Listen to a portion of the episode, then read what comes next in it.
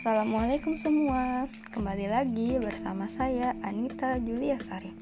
Dalam podcast kali ini, saya akan membahas tentang penerapan etika publik, komitmen mutu, dan anti korupsi di unit saya bekerja, yaitu di SMP Negeri 2 Labuhan Dili.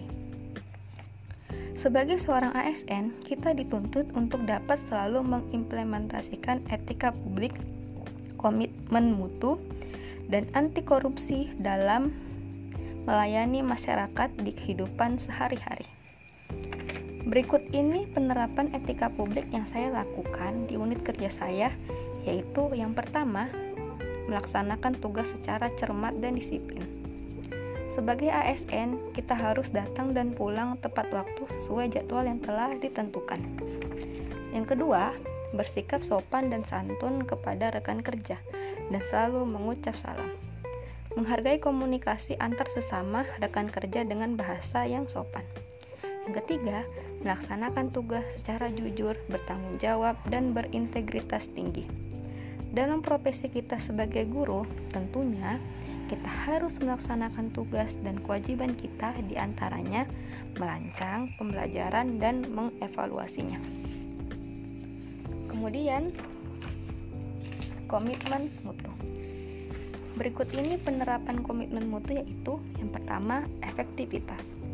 Efektivitas dalam hal pemanfaatan teknologi seperti menggunakan komputer dan printer serta menggunakan proyektor ketika sedang melakukan rapat sehingga pelaksanaan pekerjaan dapat mencapai tujuan yang diharapkan.